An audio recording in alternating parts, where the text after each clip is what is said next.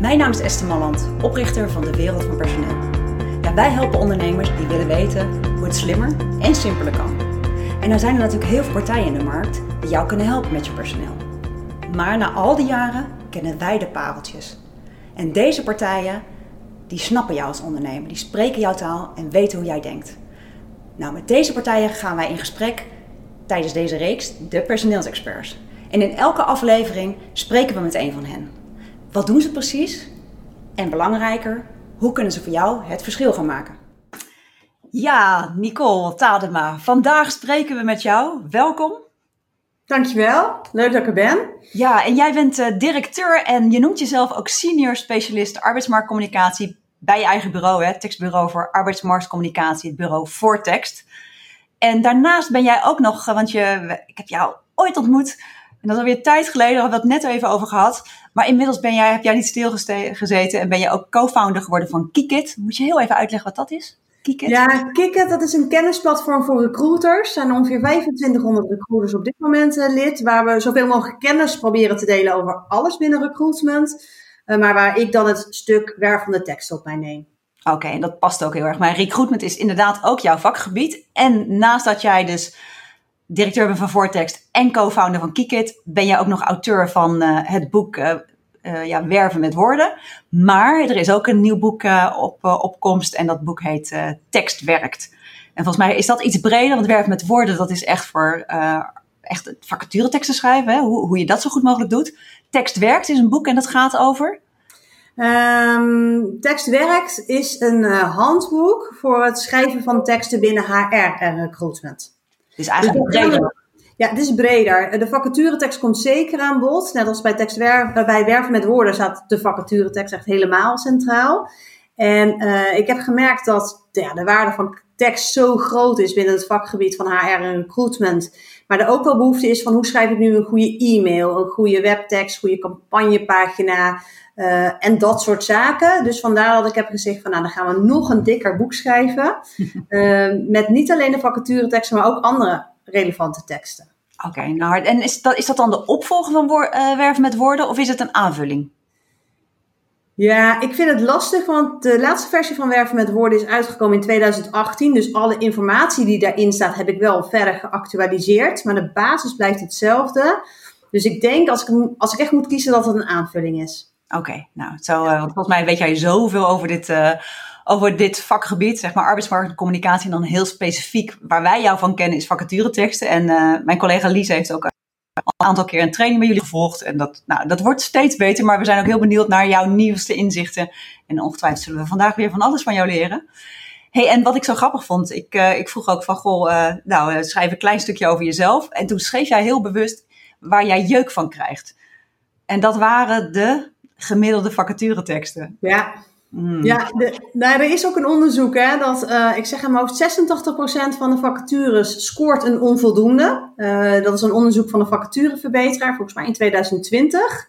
Ik denk ook dat we dat allemaal wel een beetje herkennen. Dat, dat het hele vacatureteksten zijn die vol cliché en vol vakjargon staan. Dat je eigenlijk denkt, wat ga ik nu eigenlijk doen? En uh, dus ja, meer dan de gemiddelde vacaturetekst is een onvoldoende. En ja, ik krijg daar jeuk van, want ik weet natuurlijk wat je eraan kan doen en wat, vooral wat je daaraan hebt als je wel een goede vacaturetekst schrijft. Ja, dus ik heb een medicijn eigenlijk, zit ik me nu eens te bedenken. Mooi. Nou ja, en dat is ook, want wat is jouw achter... Waar, waar kom jij vandaan en waarom weet jij hier zoveel van? Uh, ja. Vertel eens. Nou, ik zit even te denken. Laten we beginnen waar ik bij vandaan kom. Uh, tenminste, mijn eerste stappen als het gaat om uh, de arbeidsmarkt heb ik gezet als incident. Ik was eigenlijk uh, werkzaam geweest in de horeca en een congrescoördinator, maar ik wist toen niet meer zo goed wat ik wou. En dan zeg ik altijd, dan word je incident. Dan ga je dus werken op een uitzendbureau om uitzendkrachten bij bedrijven aan het werk te zetten daar begon het al wel dat heel veel collega's van mij vroegen van zou jij dan mijn tekst kunnen schrijven? Want ze merkten wel dat het mij goed afging. En ze vonden het vaak zelf niet leuk. Daar vandaan ben ik eigenlijk de werving- en selectiewereld ingerold. Dus kwam ik te werken bij een werving- en selectiebureau. Daar ging ik de marketing doen. Daar schreef ik heel veel teksten. Ik heb totaal negen jaar gewerkt. Uiteindelijk als marketingmanager weggegaan. Um, maar ik ben daar weggegaan om, omdat ik teksten schrijven het allerleukste vind ja, uh, daar wou ik mijn werk eigenlijk van maken. Dus van mijn hobby mijn werk bijna maken. En mhm. toen ben ik uh, in 2011 mijn tekstbureau gestart. En ik zei al, teksten schrijven vind ik heel leuk. Dus hoe het komt dat ik er zo goed in ben, is denk ik tweeledig. Ik vond het als kind al heel erg leuk. Uh, ik zat letterlijk achter mijn typemachinetje op mijn tienerkamer familiekrantjes te schrijven en dat soort dingen. Dus ik vond het heel erg leuk en ik heb in de loop van de jaren gewoon ook de theorie erachter ja, ontleed bijna. En als je elke keer maar die kennis oppakt, ja, dan word je daar ook elke dag een stukje beter van. En de theorie, en dat is ook, de theorie zit ook in, in de neuro, hè? In de, in de, ja, de neuroscience van hoe, hoe reageren mensen op teksten. Ja, het zit ook in, in onderbouwen met data hoor. Van hoe kies je nou de functienaam um, waar het meeste wordt gezocht. Maar zeker, uh, dat is echt wel uh, iets wat ik heel interessant vind. Hoe kan je nou uh, bewust het onbewuste brein prikkelen? Want daar maken 95% van onze beslissingen mee. Dus ook klik ik wel of niet op die sollicitatiebutton. Dus eigenlijk heel praktisch, die hele praktische kant van nou, hoe zoekt iemand nu en, en hoe vindt iemand een vacaturetekst, maar ook en hoe, als, je, als iemand hem dan gevonden heeft, hoe kan je iemand dan meenemen in, in jouw vacature? Ja. Hey, en uh, wat bestaat, want arbeidsmarktcommunicatie, dat is natuurlijk best wel een begrip. Hè? Als je dat nou een beetje in Jip en Janneke taal uitlegt, wat is dan wat jou betreft arbeidsmarktcommunicatie? Het is alle communicatie en dan heb ik het over tekst, maar ook over, uh, over beeld, video en fotografie, die plaatsvindt met mensen die werken eigenlijk en op zoek zijn naar werk. Want ik zeg even, die werken, arbeidsmarktcommunicatie kan je ook intern doen binnen je bedrijf. Uh, bijvoorbeeld via intranet of als je uh, brieven schrijft uh, ja, om iemands ontslag te bevestigen. Minder leuk natuurlijk, maar ook om iemands promotie te bevestigen. Ook dat is arbeidsmarktcommunicatie. Maar de vacaturetekst, waar we het eigenlijk vandaag vooral over zullen hebben, dat is het meest gebruikte middel in arbeidsmarktcommunicatie. Dat is natuurlijk extern gericht en dat moet je op een hele wervende manier doen. Maar eigenlijk dus alle communicatie die, die te maken heeft met iets in de arbeidsmarkt.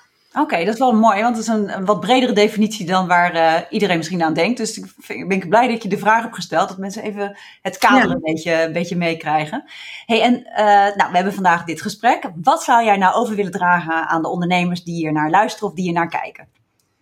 Wat ik wil overdragen is uh, vooral dat, maar hopelijk ook hoe je tekst voor jezelf kan laten werken. En, en je bedoelt met dat, dat tekst voor je kan werken. Dus, ja. Ja, dat, je, dat je door middel van aandacht te besteden aan tekst eerder of sneller uh, je doel zal bereiken. Oké.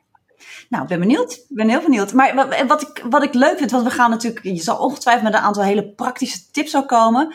Waar ik benieuwd naar ben, in, in wat voor situatie is, is, dat, is het nou echt belangrijk voor een bedrijf om arbeidsmarktcommunicatie of een goede vacaturetekst zeg maar, in te zetten?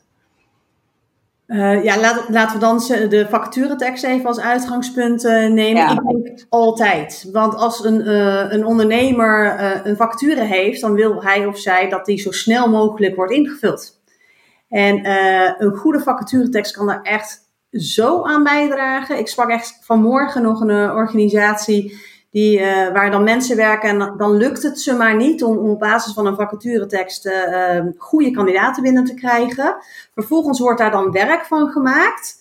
En dan zien ze uh, letterlijk van, hé, hey, we krijgen nu twaalf sollicitanten waarvan we er gewoon vier kunnen uitnodigen voor een gesprek. Nou ja, als je ze kan uitnodigen voor een gesprek, heb je blijkbaar goede kandidaten. Ja, maar en dan denk ik, oh, ja, wat zonde dat je twee maanden hebt gewacht. Dus je krijgt en goede kandidaten, maar je voorkomt ook dat een vacature onnodig lang open blijft staan. En, en zonder natuurlijk heel uh, specifiek te zijn, maar wat was nou de grootste clue bijvoorbeeld bij dit bedrijf? Waar, waar, waar heb je eigenlijk de grootste draai aan gegeven waardoor dat resultaat bereikt is? Nou, dit was een overheidsinstelling. En als we het daarover hebben, dan is het over het algemeen genomen dat je moet zorgen dat je een tekst ontwolt, wil ik bijna zeggen. Hele, het zijn hele wollige teksten met ontzettend veel uh, intern jargon en hele lange zinnen. Dus in dit geval was het echt specifiek, maak de tekst eigenlijk uh, aansprekender en duidelijker voor de, en ook eigenlijk leuker, lekkerder leesbaar voor de doelgroep.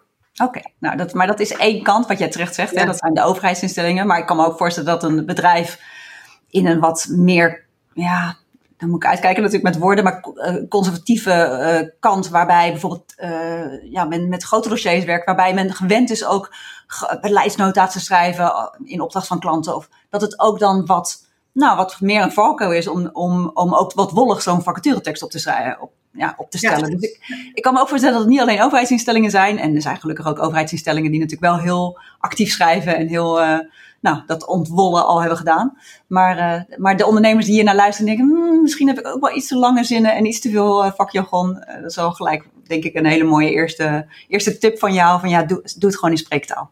Dus ja, om, om, dan ook heel kort samen te vatten, schrijf zoals je ook met de doelgroep zou spreken. Ik geloof erin dat op het moment dat je een vakkenvuller zoekt, dat je bijvoorbeeld ook andere woorden gebruikt dan wanneer je een supermarktmanager gaat werven. Want dat, dat is ook heel vaak, is dat ook een groot leeftijdsverschil en heb je daarin andere gesprekken.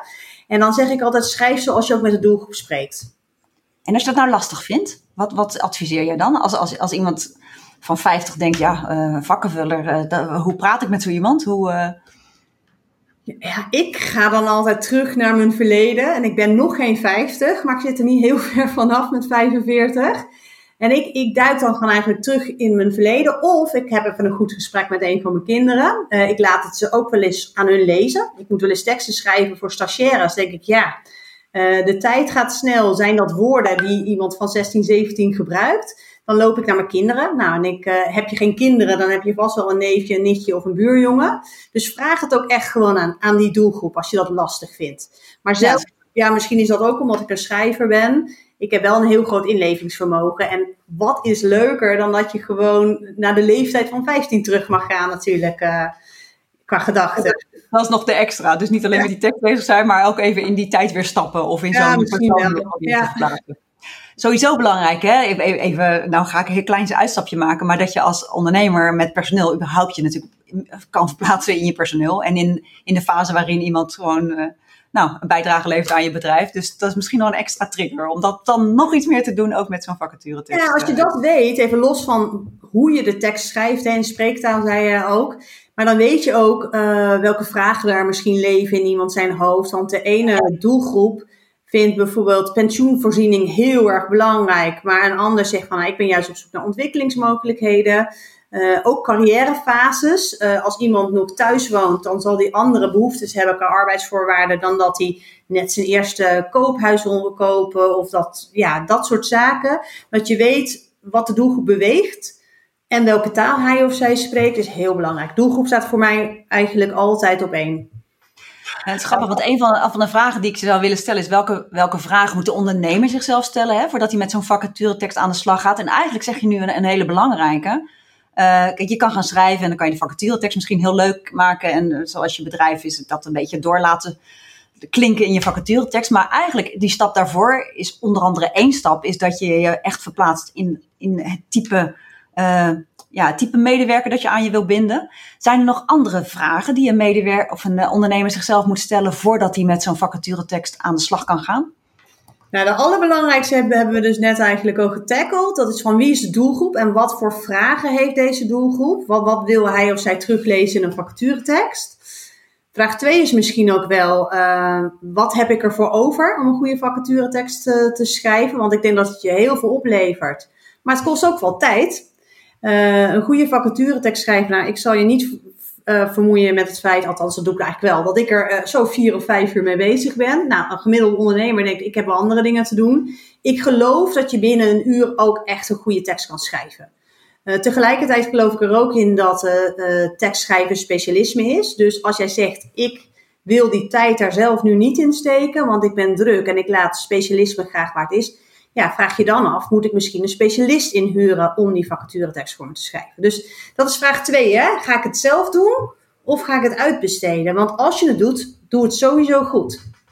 Ja, want stel dat je het nou niet goed doet. Hè? Stel nou dat je, je noemde al even dat voorbeeld van, uh, van het bedrijf wat je vanochtend uh, sprak. Ja. Maar stel nou dat je een vacature, kijk, het kost altijd tijd, een vacaturetekst maken. Of je het nu uh, uitbundig doet of niet uitbundig. Of, je bent er altijd tijd aan kwijt, want je gaat iets op papier zetten en dat moet gepost worden. En bedoel, je bent er toch mee bezig. Stel nou dat je vacaturetekst gewoon niet sterk is. Wat gebeurt er dan? Worst case. Worst case, nou ja, dan komt er geen uh, reactie op natuurlijk. En dan wordt je facturen niet vervuld. Dat is even heel plat gezegd. En dan, ga, dan gaat er uh, heel veel tijd verloren. Nou ja, tijd, tijd is geld. Ik denk dat elke ondernemer dat uh, realiseert. Ik ben zelf ook een ondernemer. En elke keer als ik nee moet zeggen tegen een opdracht, omdat ik onvoldoende personeel heb, ja, dat, dat is pijnlijk. Um, dus ik denk dat dat het grootste risico is, uh, wat er mis kan gaan. Maar je hebt ook wel te maken met je werkgeversmerk. En een werkgeversmerk is eigenlijk het merk wat je hebt als werkgever, dus niet als bedrijf zelf. Willen mensen graag bij jou werken? Uh, Stel je voor, uh, ons kantoor zit in Lelystad. Ja, in, ik, ik wil graag mensen vanuit de regio hebben, maar als wij als werkgever slecht te boek staan omdat onze teksten vol met spelfouten staan of met negatieve dingen, uh, dan zullen mensen misschien minder geneigd zijn om ook te solliciteren op mijn facturen. Uh, dus ook, ja, dat schaadt het ook. Dus het is je werkgeversmerk, maar ik denk voor de ondernemer het meest concreet. Ik geloof erin dat een goede vacaturetekst er echt in bij kan dragen dat je eerder en betere kandidaten kan uh, werven. zonder garanties trouwens. Want uh, uiteindelijk gaat het trouwens ook natuurlijk om dat je de tekst op de goede kanalen post. Hè? Dat je zorgt dat die zichtbaar is voor je doelgroep. En dat is niet altijd een vacaturebank. We hebben heel veel latent werkzoekenden. Die gaan echt niet naar, naar een vacaturebank om actief te zoeken. Dus zorg dat je onder de aandacht komt bij de juiste mensen. En um, staat de kandidaat op dat moment open. En we zitten nu ook in een arbeidsmarkt waar het heel lastig is. Maar een tekst draagt er wel aan bij. Het is niet het ultieme middel. Maar ik durf wel te zeggen dat het eraan bijdraagt. Maar dat is ook, ik, ik hou je eigenlijk weer twee dingen. Uit de ene kant is, is dus ook uh, heel goed nadenken over je doelgroep. Ook waar gaat zo iemand, waar gaat die partij, of waar gaat zo iemand zoeken, zeg maar? Zo'n uh, ja. dat, zo'n medewerker die je graag binnen wil trekken, waar zoekt die? Uh, waar ik ook aan zit te denken, ook op het moment dat je, dat hebben wij ook wel eens meegemaakt, dat juist een vacaturetekst niet zo goed geschreven is en dat er dan juist ongelooflijk veel reacties komen. Omdat oh, ja. bijna iedereen op de vacature past. Ja, en dat vinden we heel vervelend als dat bij een groot bedrijf waar een HR-afdeling zit gebeurt. Maar we vinden het eigenlijk nog vervelender als dat bij een ondernemer gebeurt, die dan een lading brieven ja. krijgt. Daar heb je, nee, maar dan heb je een heel goed punt. Want wat het grappige dan is, dan ben je alsnog heel veel tijd kwijt. Dus dan heb je dat misschien niet gedaan in, in de beginfase hè, met het schrijven van een goede tekst. Maar vervolgens moet je wel ontzettend veel cv's doorspitten van kandidaten die voor geen meter aansluiten. Je moet afwijzingen versturen. En, en, en indirect is dat ook weer niet goed voor je werkgevers. Nee. Elke afwijzing die je stuurt, dat is, dat is ook uh, ja, slecht nieuws wat je brengt. Nou ja, zo kwam ik erop, omdat jij ja. dat, dat werkgeversmerk zo noemde. Toen dacht ik, oh ja, want dat is ook wat er wel eens gebeurt. En dan denken ze, ja, dan reageren we niet. Maar dat kan natuurlijk weer niet. Want dan, nee. dat is ook, ja, heel, heel vaak zijn er ook regionale, dat mensen regionaal reageren. Het wordt wel steeds minder. We werken natuurlijk ja. steeds meer nationaal en op afstand. Maar ja, je regionale naam, die wil je gewoon natuurlijk wel heel goed houden. Dus ook dan denk ik ook weer zo'n vacaturetekst natuurlijk zo goed mogelijk moet zijn. Maar een goede ja. vacaturetekst. Wat zit daar voor jou in, Nicole? Wat, waar, wat zit er in een echt een goede vacaturetekst? Um, die begint sowieso met een goede functienaam. Want dat is het moment dat mensen, uh, als ze een vacature zien, dan is dat het eerste waar hun oog op valt. En, en soms heb je een rijtje met vacatures, dan moet je uit kiezen welke functienaam springt daaruit. En, en een goede functienaam is dus niet grappig over het algemeen genomen, maar gewoon herkenbaar en goed vindbaar voor de doelgroep. Mm-hmm. Uh, vervolgens echt een, een, sterke introductietekst, want mensen scannen een tekst, dus die gaan in de eerste paar seconden al bepalen ga ik deze tekst wel of niet verder lezen. Dus die eerste paar zinnen moeten er echt toe doen. En verder, uh, ja, natuurlijk de vaste tekstelementen. Misschien komen we daar later nog even op in. Gaan we daar nog op in. Maar duidelijkheid, echt, echt heel veel duidelijkheid over wat iemand gaat doen. Want dan zal je ook zien dat de kandidaten die reageren beter aansluiten. En ja, ik ben heel erg van doorbreken van salaris taboe. Ja, ik wilde het eigenlijk net gaan noemen, want ik zie dat eigenlijk in heel. Jij schrijft hele goede blogs. Dus dat vinden wij altijd heel, heel fijn om te lezen. En jij linkt ook alles aan elkaar door. Dus als je eenmaal begint aan een blog, dan ben je zo vijf blogs verder, omdat het gewoon te interessant is. Maar jij komt inderdaad heel vaak terug op dat salarisaspect. Vertel eens even hoe je, hoe je daarnaar kijkt. Nou, uh, um, je ziet zeg maar, en ik, ik gebruik dus ook heel veel data, hè, dat zei ik uh, aan het begin van het gesprek al. Uh, om te kijken van wat beweegt een doelgroep nu. En dat doe ik op functieniveau. Dus ik heb een bepaalde tool dat ik kan kijken van oké, okay, een magazijnmedewerker vindt dit belangrijk als arbeidsvoorwaarde. Een cashier vindt dit belangrijk en een controller vindt dit belangrijk. Daar zie je heel veel verschillen. Maar het mhm. salaris staat 9 van de 10 keer gewoon bovenaan. En dat zie je ook bij de cijfers van de Nederlandse beroepsbevolking. Uh, ik volg het eigenlijk op de voet een jaar of tien, hè, want ik ben een jaar of tien geleden uh, begonnen met ondernemen. Toen hebben we elkaar ook ontmoet. Ja. Al tien jaar op rij, sinds ik het volg, en waarschijnlijk nog veel langer, staat dus het salaris als belangrijkste drijfveer om te kiezen voor een andere baan. En ik zeg ook altijd, iedereen moet zijn huur en zijn hypotheek kunnen betalen. En dat kan niet als je ineens 25% minder gaat verdienen. Tenminste, vaak kan dat niet. Uh, dus het weegt heel erg mee. Tegelijkertijd willen mensen duidelijkheid hebben als ze een tekst lezen. Je wil weten waarop je reageert. Nou, het salaris stelt heel erg mee. En dan komt dan ook nog bij dat, en ik ben even de laatste data kwijt, maar volgens mij 81% van de vacatures staat geen salaris in vernoemd. Dat was vorig jaar nog hoger, maar we zijn al een beetje op de goede weg. En dan denk ik, dan heb je ook een onderscheidend karakter. Want als je twee identieke vacatures hebt, waar de ene geen salaris staat en bij de ander wel, zal je zien dat de sollicitaties met die van uh, met wel salaris absoluut meer reactie oplevert, maar sowieso ook beter passende. En dat ervaar ik ook hè, tijdens trainingen of tijdens dit soort uh, gesprekken uh, adviseer ik het altijd. Um, en dan krijg ik wel eens terug van mensen die dus die training hebben gevolgd of die naar een podcast hebben geluisterd van ik heb het gedaan en ik ervaar gewoon dat de kwaliteit van mijn respons toeneemt. Dus salaris, ja, absoluut. Wat hadden we gezegd? Goede functienaam, goede introductie, salaris en duidelijkheid geven. Ja. Hey, en die, dat salaris, nog heel even om daar op door te gaan. Dan kies je meestal voor een range, een salarisrange, of je verwijst naar een CAO als, als die bestaat, zeg maar, naar een soort uh, functieschaal wellicht hoe specifiek moet het zijn, zeg maar? Ja, nou, ik verwijs niet naar een CEO. Um, misschien wel hoor, maar ik vermeld dan altijd in euro's het salaris. Oké, okay, dat is een belangrijke. Ja. Nou, dat doe ik om, om meerdere redenen. Um, ja, mensen moeten dan soms die CAO gaan opzoeken en dan verdwijnen ze ergens op het internet en dan zien ze misschien een andere facturen. Dus je, dus je haalt ze weg bij jouw tekst. Tegelijkertijd uh, vallen cijfers heel erg op in tekst. Uh, dat blijkt ook weer uit diverse onderzoeken. Als je gewoon uh, woorden schrijft of je gebruikt een cijfer of een bepaald symbool, dan valt dat meer op. En mensen scannen teksten, dus die kijken meteen naar dat salaris, wat die belangrijkste drijfveer is. Um, dus ik gebruik, ik vermeld altijd het salaris in klinkklare euro's, zoals ik het zeg maar uh, benoem. En of je dat in een range doet of niet, dat ligt er een beetje aan wat je te bieden hebt. Maar zorg wel dan dat die range een beetje behapbaar blijft. Niet van 2000 tot 5000. Want dan denk ik, wat zeg je dan eigenlijk? Voegt weinig toe. Ja. ja, en misschien nog een leuke toevoeging. Ik kijk daar ook weer naar de doelgroep. Een callcenter medewerker die denkt zeg maar in uurtarieven. Sorry, in uursalarissen. Uh, waarbij uh, misschien een CEO uh, eh, communiceert in jaarsalarissen. Dus um, ik schrijf het salaris op waarin de doelgroep denkt. 9 van de 10 keer is dat natuurlijk een maandsalaris, hè? Ja, maar, wel een hele goede toevoeging hoor. Dat, dat, ik, zei, ik zei al, hè, ik ga vandaag ook weer dingen leren waarvan ik denk, ja. ah, daar moeten wij ook goed op gaan letten. Maar dit vind ik een mooie toevoeging. En niet iedereen wil salarissen vernoemen. Hè. Dat, dat merken wij ook, ook als wij met ondernemers aan de slag gaan. Maar uh, ik, ik vind het wel mooi hoe jij daar baanbrekend in, uh, in probeert te zijn. In ieder geval door te benoemen van, joh, het heeft gewoon effect als je het doet. Maar het is nog een beetje taboe inderdaad. Dat, dat is, merk ik ook. Ja, nou, het is al heel lang taboe. En het is natuurlijk ook taboe om op een verjaardag over je salaris te praten. En dat zie je terug in vacatureteksten. En ik hoor gewoon heel vaak van ik wil niet dat men het onderste uit de kan haalt. Of um, we willen dat mensen hier niet werken voor het geld. Maar dan denk ik, ja, maar in werkt natuurlijk iedereen voor geld. Mm. Want tenminste, ik werk heel erg voor mijn plezier. Maar ik heb het geld gewoon natuurlijk ook nodig. Dus dan moet ik wel weten of ik mijn rekeningen kan blijven betalen.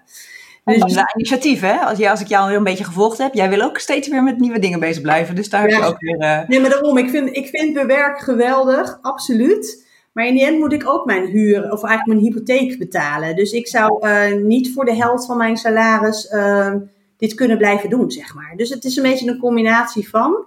En voor de ene doelgroep is het ook gewoon, is geld belangrijker dan, dan de andere. Hè? Vooral jongere mensen die wat minder geld verdienen over het algemeen, die nog wat moeten opbouwen, ja, daar telt elke euro. Ja, ja. Hey, en en als, je, als we nou kijken naar de vacatureteksten, wat zijn nou de, echt de grootste missers, vind jij? Wat zijn nou echt dingen dat je zegt, ja, je, je krijgt jeuk van een gemiddelde vacaturetekst, maar wat zijn nou dingen dat je denkt, het, het kan niet waar zijn dat dit nog steeds gebeurt? Vertel. Ik denk alleen maar, waar moet ik beginnen? Uh, maar wel, uh, nee, het eerste wat me te binnen schiet zijn uh, spelfouten. Maar dat is misschien ook omdat ik natuurlijk zo'n tekstfanaat ben. En ik vind dat ook het makkelijkste om te tackelen. Ik moet eerlijk zeggen, ik ben een hele creatieve schrijver. Dus elke tekst die ik schrijf, laat ik ook nog controleren door een collega. Nou, mijn collega is een eindredacteur, die heeft er heel veel verstand van. Maar ook een ondernemer kan uh, het laten controleren door een collega of door, door zijn partner. Uh, dat is vrij makkelijk te tackelen. Ook als je hem gewoon in Word schrijft met spellingscontrole. Dus dat snap ik niet zo goed. Dat er heel veel spelfouten staan in teksten. Uh, we hadden het net al over, hè? hele wollige teksten die niet concreet worden. Er is een, ik geloof dat meer dan de helft van de mensen op basis van een vacaturetekst niet kan bepalen of de functie wel of niet bij hem past. Nou, dat vind ik niet zo raar, want ik vind heel veel teksten ook niet concreet worden. Uh, en oh ja, van die uh, hele lange rijen met bullets zie je heel vaak. Weet je wel, van, uh, vooral bij de vereisten. Van we verwachten van jou dat je dat diploma hebt, dat je dit en dit kan. En de grootste afhaker bij vacatureteksten is een irreële functieveistenlijst. maar sowieso haken mensen af bij te veel bullets gebruik. Oké, die, die, uh, vertel, vertel, wat is daar de reden voor? Weet je dat? Um, nou ja, de aandacht zwakt eigenlijk af. Dus uh, na vijf uh, opsommingstekens, bullets, verzwakt de aandacht. En na zeven is die echt weg. Ligt ook een beetje aan het functieniveau dat je zoekt. Maar, mensen scannen in principe zo'n tekst. Dus als zij een rij zien van 20 bullets, ja, waar moeten ze dan nog kijken? En het ultieme aantal, als het je lukt, want dat is wel een uitdaging, is, is het cijfer 3. Dus dat je zorgt voor een opsomming met drie punten. Waarbij uh, de eerste bullet het meest gelezen wordt en daarna de laatste. Dus dat je het beste, als je zegt van nou, ik heb drie punten, uh, dan zet je de belangrijkste op de eerste plek. De tweede zet je eigenlijk onderaan. En dan wat dan het minst belangrijk is, zet je het midden. Ja, er zit een hele theorie ja, Grappig. Ja, ik vind het Waar ik zo van hou, zeg maar, om dat te prikkelen. Ja, maar dat vind ik zo leuk. Jij doet echt die mix van wat blijkt uit onderzoek. Wat is er allemaal getest? En hoe kunnen we dan onze teksten nog steeds verbeteren, zeg maar. En dat, dat vind ik juist heel leuk. Maar zeg je daarmee ook dat als je als je wel de neiging zou hebben om al die bullets te gaan benoemen, dat je dan misschien verhalende wijs nog iets meer de sfeer kan noemen van waar je in werkt en of, hoe, hoe, of moet je ze gewoon niet hebben? Moet je gewoon niet te veel eisen hebben? Nou nee, we zitten nu in een arbeidsmarkt waar het vacatureaantal schrikbarend hoog is natuurlijk. Dus dan denk ik van nou, kijk heel goed wat is er echt nodig om deze functie te vervullen. En ga niet beginnen met pre of het zou fijn zijn als je dit en dit meewerkt. Gewoon echt uh, of meebrengt echt alleen vragen wat je echt nodig hebt. Dus als je een cv voor je hebt, wat zijn de drie belangrijkste dingen waar je op je een selectie maakt? Ja, zet die in je vacaturetekst. Ja. Maar ik ben ook wel voor, um, kijk, ik pak hem een beetje gemiddeld. Gemiddeld genomen uh, heb, ik een, uh, heb ik een tekstje, zo'n alinea uh, met lopende tekst, zoals ik het zelf noem. Die wissel ik wel af met bullets, want ik geloof er wel in, maar dan niet die hele lange rijen. Mm. Als je nog een stapje verder zou gaan met, met teksten schrijven, dan kan je ook nog kijken van uh, meer analytische beroepen. Die vinden bullets wat, pracht, uh, wat prettiger. Dus dan kan je wel iets meer doen. En kijk je bijvoorbeeld naar uh, creatieve beroepen, die houden meer van het storytelling stuk. Dus je kan het zelfs ook daar weer op doelgroepniveau aanpassen. Maar gemiddelde vacature... doelgroep, die bepaalt alles, hè? Sorry, ja. sorry, ik onderbreek je. Wat zei je? Uh, nee, ik zei probeer, um, probeer het af te wisselen. Dus tekst en uh, bullets voor een gemiddelde tekst. En jij zegt doelgroep bepaalt alles. Dat is ook zo, want, want jij wilt die doelgroep bereiken. Dus net die, sales, uh, in feite. Wat zeg je? Het is net sales in feite. Hè? Het is eigenlijk, het is, het is natuurlijk een vorm van sales die je doet. En misschien mogen, wordt, is dat ook nog een beetje taboe, maar in feite is het, is het je bedrijf verkopen, maar dan wel zo verkopen zoals je dat naar klanten doet, dat je natuurlijk wel de juiste mensen aantrekt die ook passen en die ook iets moois gaan bieden. Ja, ja, tijdens mijn presentatie al een jaar in jaar uit gebruik ik ook die metafoor. Je wilt iets verkopen aan, uh, aan een persoon, maar je wil ook bepalen aan wie je het verkoopt. Dus de gemiddelde bol.com of Zalando, die maakt het niet uit aan wie ze het boek of dat jurkje verkopen, want ja, alles levert geld op. Ja. Um, dat kan uh, mijn buurvrouw zijn, dat kan mijn achterneef zijn of mijn dochter van 16. En bij een vacature wil je ook nog bepalen dat iemand in een bepaalde regio woont, een bepaald werk- en denkniveau heeft, uh, uh, bepaalde ervaring meebrengt. Dus je wilt verkopen, maar ook bepalen aan wie je het verkoopt.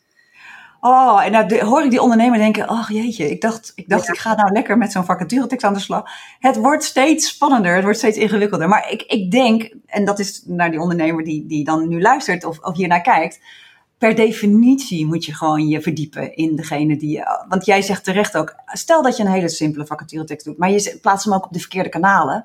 Weet je, per definitie moet je je gaan verdiepen in waar zit je doelgroep en wie is je doelgroep en hoe bereik je die doelgroep. Dus ja, je kan je er ook door laten helpen. Hè? Ik bedoel, er zijn ook heel veel bureaus die, die, die uh, weten waar bepaalde doelgroepen zitten. IT'ers zitten op een andere plek dan marketeers. Ja. Uh, dus je hoeft het niet allemaal in je eentje te doen. Want nee, dat is, dat is ook wat, waar wij ondernemers wel eens bij helpen. Maar wij werken dan ook heel graag samen met experts. En zoals ook met, weet je, jij bent ook gewoon ontzettend goed. Jullie bureau is natuurlijk ontzettend goed in het schrijven van vacatureteksten. Stel nou dat een ondernemer denkt, nou, ik ga met, uh, met jou aan de slag. Ehm, wat voor, aan wat voor een tarieven moet je dan denken als je een vacaturetekst wil laten maken? Ja, um, bij, uh, bij, bij tekstbureau, nou ja, dat ik ze heb opgericht en waar we met een team daaraan werken. Uh, ja, adviseer ik natuurlijk altijd de beste vacaturetekst, zo heet dat product ook, zodat je echt wel met een intake uh, de organisatie leert kennen en achterhaalt wie die doelgroep is. En dan uh, zit je aan een prijskaartje van één losse vacaturetekst van 575 euro. Oké, dus dat is zeg maar... Meer, ja, neem je er meer af, kom je natuurlijk in staffels terecht. Maar één losse vacaturetekst is 575. Oké, nou dat is een heel praktisch bedrag. Ik bedoel, dan weet ook iemand, nou dat zou ik ervoor uit. Maar dat levert, waar we het over, al over hadden, dat levert natuurlijk ook op dat je als het goed is, natuurlijk gelijk bij de goede doelgroep terechtkomt. Dat je niet mensen krijgt die eigenlijk helemaal niet op je vacature zouden moeten schrijven, omdat het eigenlijk helemaal geen match is. Maar omdat je je vacaturetekst te breed hebt gehouden, gaat, gaat iedereen erop schrijven. Dus je gaat hem heel erg pinpointen. Hè? Dus je eigenlijk ook alles wat je daarna gaat doen, is veel gerichter. Ja, en ik denk ook dat als je dat laat doen, hè, tenminste, ik geloof erin dat een ondernemer ook door echt tijd en aandacht aan te besteden, dat hij ook echt zijn tekst beter kan maken. Maar besteed je het uit aan een specialistisch bureau, dan, dan zal je ook zien, nou ja, wat ik eerder al aangaf, dat de doelgroependata wordt ingezet. Maar dat er ook ingezoomd wordt met een ondernemer. Waarom moet nu iemand eigenlijk bij jouw bedrijf komen werken? En niet bij het bedrijf van de buren. Want ik noem dat zelf echt het verkoopargument. We hadden het net over producten. Wat is jouw verkoopargument? En dat geeft de ondernemer ook meteen, zo'n intake geeft ook meteen inzichten. En uh, dat kan je ook weer gebruiken als je vervolgens met een sollicitant om tafel zit. Stel je voor, die sollicitant twijfelt toch nog een beetje. En je hebt, uh, je hebt tijdens je intake en in die vacaturetekst die verkoopargument helder gekregen. Ja, dat is, dat is win-win. Het geeft je inzicht op alle vlakken. En je kunt het bij een volgende vacaturetekst natuurlijk ook weer als basis gebruiken. Ja, nou, ik vind wel dat elke vacature uniek is. Laten we dat voorop stellen. Nee, maar je bedrijf, hoe je je bedrijf, wat, wat, wat uniek maakt zeg maar, om bij jou te werken, wat jou onderscheidend maakt zeg maar, ten opzichte van concurrenten, dat kan je wel. Uh, nee, eens. Ik, uh, absoluut niet kopiëren, plakken en dan alleen een andere niveau. Maar bepaalde tekstdelen kan je natuurlijk wel hergebruiken. Het stukje over het bedrijf en inderdaad als daar staat dat je bij dit bedrijf vooral moet werken omdat het op loopafstand is van centraal en de sfeer geweldig is. Um, ja, dat kan je zeker opnieuw gebruiken. En ook die inzichten die je hebt uh, opgedaan. Ja, mooi. Nou, ik denk dat het heel behapbaar is wat je noemt. En uh, als, als nou een, een ondernemer zegt, nou, dat, ik vind het interessant. Hè? Ik, ik, ik, ik kan naar Nicole gaan, naar Vortext. Maar goed, ik, ik vind dat ik zou bij iemand ook graag willen zien. En ik woon aan de andere kant van het land. En die wil misschien met een bureau in zee gaan die hierbij kan helpen. Waar zou zo iemand op moeten letten? Wat, nou, wat, wat is een soort een kwaliteitscriterium zeg maar, voor een bureau die hierbij kan ondersteunen? Ja, ik vind, um, ik vind vacatureteksten schrijven echt een, een, geval apart. Dus ik zei net al van uh, je wil een product verkopen tussen haakjes, um, wat heel waardevol is. Want mensen vinden het switchen van een baan ook heel spannend. Dus het is een product wat je maar een paar keer in je leven koopt. Uh, en je wil dus ook bepalen wie dat koopt. Dus ik vind dat echt een vak apart. Dus ik zeg, ga wel echt naar iemand uh, die ervaring heeft met arbeidsmarktcommunicatie slash vacatureteksten. En er zijn een klein aantal, echt nou twee, drie bureaus in Nederland in gespecialiseerd, waaronder voor tekst. Um, maar je hebt ook uh, freelance tekstschrijvers die zich uh, hiermee bezighouden, die natuurlijk van Groningen tot aan Zeeland en Limburg verdeeld zijn. Maar zoek dan wel dus iemand die vaker vacatureteksten heeft geschreven. Oké, en dan bel je zo iemand op en dan gaat zo iemand met je in gesprek. En waar merk je dan aan dat iemand echt, echt goed is, kwalitatief echt goed is? Wat doen jullie waarvan je denkt, nou, dat doen wij echt gewoon echt heel goed. En dat, dat we meer ah. weten. Nee, ik, ik, vind, ik vind het heel goed sowieso dat je de vraag stelt. Want eh, eh, wij werken ook heel veel met freelance tekstschrijvers die wij inhuren bij Vortex. Dat is een vast team van freelancers. Uh, die wij bijna ook helemaal hebben getraind. Maar soms melden zich wel eens freelancers aan. Dat ik echt, dan krijg ik een proeftekst. Dan denk ik, nou, uh, die staat vol met spelfouten. Uh, hoe kan je tekstschrijver zijn? Dus in de tekstschrijfwereld zijn er best wel heel veel kwaliteitsverschillen. Dus ik vind het goed dat jij zegt van waar let je op? Dus dat is dat specialisme of eigenlijk die ervaring. Um, maar dus vooral denk ik weer, stelt hij of zij vragen over de doelgroep. Ja, het klinkt, we praten in een cirkeltje. Nee, ik vind het juist heel, heel goed dat je dat zegt. Want, want het is niet plat gewoon een tekst maken. Het is dus, je en daarom, een van de vragen die ik ook altijd stel is, goh, welke vragen moeten ondernemers zich stellen voordat hij hiermee aan de slag gaat? En dat is uh, de, de, ondernemer die hier naar luistert, eh, jij die niet hier naar luistert als ondernemer. Weet je, dit is wel belangrijk. Dus, dus eigenlijk met heel veel dingen, en dat zeg ik ook altijd, doordenktijd, nadenken over dingen voordat je de volgende stap zet daar zijn wij als ondernemer niet zo heel erg goed in. Hè. We, we zijn lekker, uh, en zeker als je een goed bedrijf hebt en lekker bezig bent, dan wil je de volgende stap en de volgende stap en de volgende stap zetten. En er zit een stukje ongeduld in, maar het, het loont zo om toch over dingen na te denken. En ik vind het juist heel goed, Nicole, dat je het benadrukt. Dat je kunt wel heel veel stappen zetten, maar als je hier niet goed over na hebt gedacht, en of de partij met wie je gaat werken gaat daar niet goed op doorvragen, ja, dan wordt het toch iets meer losse hagel, zeg maar. Ja, ja en, ik geloof eh, wel, wat ik uh, eerder zei, wij gebruiken, wij hebben in uh, toegang tot doelgroependata. Uh, daar zijn voor ons ook heel veel kosten aan verbonden, dus daar is mede onze prijs bijvoorbeeld op gebaseerd. Ik geloof dat je ook zonder doelgroependata een goede tekst kan schrijven. Voor ons voegt het toe, maar een freelance tekstschrijver zal dat niet heel veel hebben. Dus is dat nou een reden om hem of haar te laten afvallen? Nee.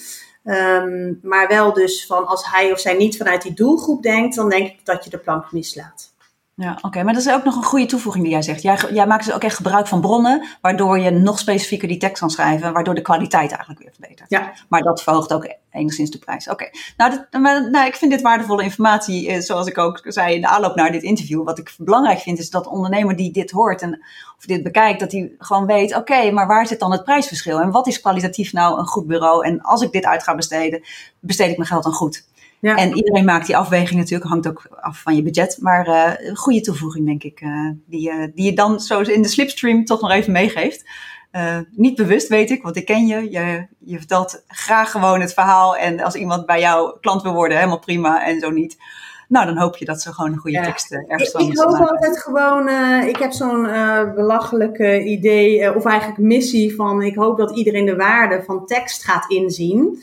En ja, ik moet ook een boterham verdienen, maar ik word gewoon al enthousiast als ik. Soms verlies je wel eens bijvoorbeeld een, een pitch, weet je wel. Ik, ik heb één directe concurrent waarmee ik uh, eigenlijk het ook heel goed kan vinden. Maar stel je voor, we hebben allebei dezelfde offerte lopen, maar er is ook een niet-specialist. Als ik dan hoor dat, dat de concurrent hem heeft gewonnen, dan denk ik al, dan zeg ik tegen die partij, je hebt in ieder geval een goede keuze gemaakt door voor een specialist te kiezen. En dan kan ik daar ook gewoon mee leven, want soms win je wat en soms verlies je wat.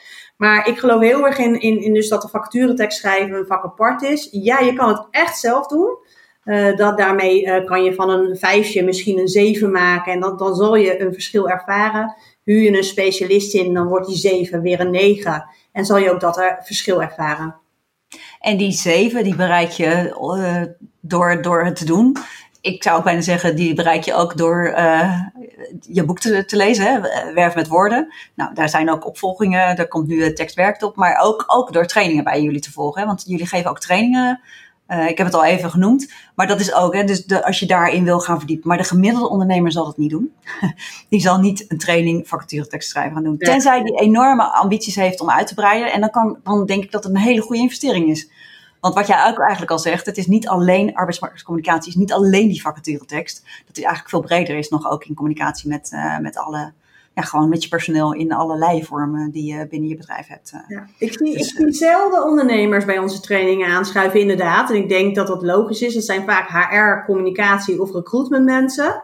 Ja. Uh, maar wij krijgen wel geregeld uh, uh, bijvoorbeeld tekstaanvragen hoor, van ondernemers. En ik zie ook wel dat mijn boek aan ondernemers worden verkocht. Want dat, vooral dat boek, of bijvoorbeeld mijn blogs, hè, die, die via voorteksten gewoon gratis toegankelijk zijn. Ja, dat is lekker laagdrempelig. En je, ik weet dat er ergens van mij een, artikel roleert met de 10 tips voor een goede vacaturetekst. Ja, als je die er in ieder geval naast legt, dan denk ik dat je tekst die, je, die kan je dan daar ook mee verbeteren. Het kost wel tijd. Maar het levert dus ook tijd op dat je niet al die slechte sollicitanten moet uh, afwijzen. Nou, ik zal sowieso de link naar die blogtekst zal ik in de interviewnote zetten. Uh, ik denk dat we nu ongeveer wel naar een afronding. Ja, ik weet je, ik zou nog wel meer uh, met jou willen praten. Want we, we, hebben het natuurlijk over wat zet je nou in een vacaturetekst? Nou, waarom is het zo belangrijk om erover na te denken voordat je überhaupt gaat beginnen? We hebben het gehad over de tijd. Want oh, dat is misschien nog wel even een puntje. Jij zei, joh, met een goede vacaturetekst ben ik al vier, vijf uur aan kwijt. Maar zei je, gelukkig, in een uur kan je ook een hele goede vacaturetekst schrijven. Uh, die ondernemer die nu gaat zitten en daarvoor gaat zitten, die gaat schrijven en die gaat schrijven. Uh, wat, kijk, jij, jij bent natuurlijk, uh, jij gaat natuurlijk tot de perfectie verheffen, zeg maar. Maar eh, wat, wat kost het nou? En kost het inderdaad een uur? Of zeg je nou, de eerste keer misschien wat langer? Iemand die gaat zitten? Ja, ik vind dat lastig. Want het is ook, het is net hoeveel tijd je eraan wil besteden. En ik geloof erin, als je op een gegeven moment die resultaten ervaart, dat je er elke keer wel meer tijd aan durft te besteden. Maar ik denk dat je in een uur echt flinke slag kan maken. En ik probeer ook realistisch te zijn, want wat ik zei, ik ben ook ondernemer. Uh, ik heb uh, acht mensen personeel in een groep van freelancers. Dus ik moet ook af en toe eens kijken van hoe besteed ik mijn tijd goed. Maar ik denk dat je in een uur gewoon heel ver kan komen. Um, en heb jij vier uur, ja, besteed hem er ook aan. Alleen, ja, wat ik zeg, ik zit vier of vijf uur aan een tekst en ik leg echt elk woord op een weegschaal. En dat is ook omdat dat mijn vak is. Dus ik denk een uur, eh, ja, trek dat ervoor uit, blokkeer dat in je agenda en misschien dan de eerste keer twee uur. Want we hadden het er net al even over sommige stukjes, zoals het bedrijfsprofiel, die kan je prima uh, hergebruiken in volgende vacatureteksten. Oké, nou, ik denk dat dat, dan, eh, dat dat de drempel weer iets verlaagt. Dus ik denk dat dat een goede toevoeging is. Hey, ik, zou jou, ik zou willen afsluiten met jou willen vragen. Wat zijn nou de drie gouden tips die jij een ondernemer zou willen geven? Ja. Je hebt, al, je hebt al een paar tips gegeven hoor, dus ik bedoel... Ja, uh, veel, maar als ik kijk naar de allerbelangrijkste is... is uh, zet, nou ja, eigenlijk waar we het net over hadden. Uh, durf er de tijd voor te nemen. Ik geloof er echt in dat het in the end gewoon tijd gaat opleveren. Hè, doordat je gewoon sneller die facturen vervult en minder mensen hoeft af te wijzen. Dus, een van mijn credo's is ook van liever drie goede sollicitaties dan 50 middelmatige reacties. Dus neem de tijd ja, en dan heb je die tijd niet. Uh, vraag dan de hulp van een specialist. Daar hebben we het uitgebreid over gehad. Um, zet, zet je oogkleppen af en de bril van de doelgroep op. Nou goed, daar hebben we het heel uitgebreid over gehad. Maar probeer echt vanuit die doelgroep te denken wat hij of zij interessant en uh, verhelderend vindt om te lezen. En als laatste die duidelijkheid. En dat kan je doen door een salaris te benoemen, heel concreet te worden, maar ook door voorbeelden te noemen. Van oké, informele werksfeer Waaruit blijkt het? Gaan jullie elke middag samen lunchen? Gaan jullie samen wandelen? Of hebben jullie elke vrijdagmiddag eh, een karaoke middag? Uh, dus probeer met voorbeelden echt je tekst uh, aan te vullen, zodat je een hele authentieke tekst krijgt. Mooi. Ik denk dat we weer veel hebben opgestoken van jou, Nicole, vanmiddag. Oh, en uh, nou, vanmiddag, vanochtend, vanavond, wanneer je hier naar luistert. Maar voor ons is het nu vanmiddag. Hey, ik wil je ontzettend bedanken voor de tijd met ons om weer over te dragen. En uh, nou, dank je wel daarvoor. Nicole is natuurlijk één van ja, onze personeelsexperts. Ja, maar ben je nou benieuwd ook naar de andere personeelsexperts? Ja, abonneer je dan op dit kanaal en dan mis je geen enkel interview in deze reeks. En wil je de informatie uit het interview nou compact nalezen?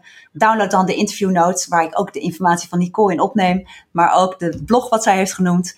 En uh, de interviewnotes vind je op de wereld van www.dewereldvanpersoneel.nl forward slash de personeelsexperts. En zoals ik al zei, ja, Nicole is ook auteur van, uh, van nou, het boek Werven met Woorden. En uh, er is ook een volgend boek in aantocht. En wij zijn heel erg fan van, van het boek Werven met Woorden. En ja, hier staat in feite alles in wat je moet weten over een vacaturetekst. En uh, vooral een ijzersterke vacaturetekst. Ik, ik zie jou een prachtig boek uh, laten zien. Dat is inderdaad mijn eerste boek. Uh, maar de, de tweede opvolger was de oranje versie, 2018. Dus de meest actuele versie. Oh, dus dat is ook Jij, werk met woorden, maar dan... Ach, ik heb gewoon... Ik heb gewoon ik was er vroeg bij, dat is het. Ja. Je was er vroeg bij. Wat, wat wij al zeiden, we kennen elkaar al lang en jij was dan een van de eerste die mijn eerste boek uh, heeft gekocht. Ik, ik zorg dat er een nieuw exemplaar jouw kant op komt hoor. Oké, nou want dat is heel interessant, want ik wil eigenlijk ook, maar heel even nog, wat zit er in jouw boek, verdikke me, wat ik dus niet heb, zeg maar. Ja. Wat, er wat, zit er, wat zit er meer in dan in dit? Want ik zag dat het een dikke boek is.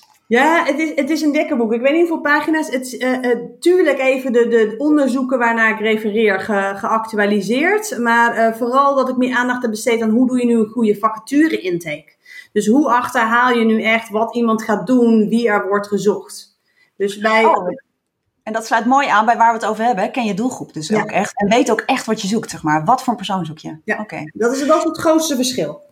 Nou, hartstikke mooi. Maar jij hebt dus dat boek geschreven. Ja. En wij willen heel graag onder degene die de interviewnotes gaan downloaden, willen wij uh, drie gesigneerde boeken door jou zelf uh, willen we uh, beschikbaar stellen. Dus als jij voor 1 december de interviewnotes downloadt die bij dit interview horen, dan maak jij kans op één van die drie door Nicole gesigneerde boeken.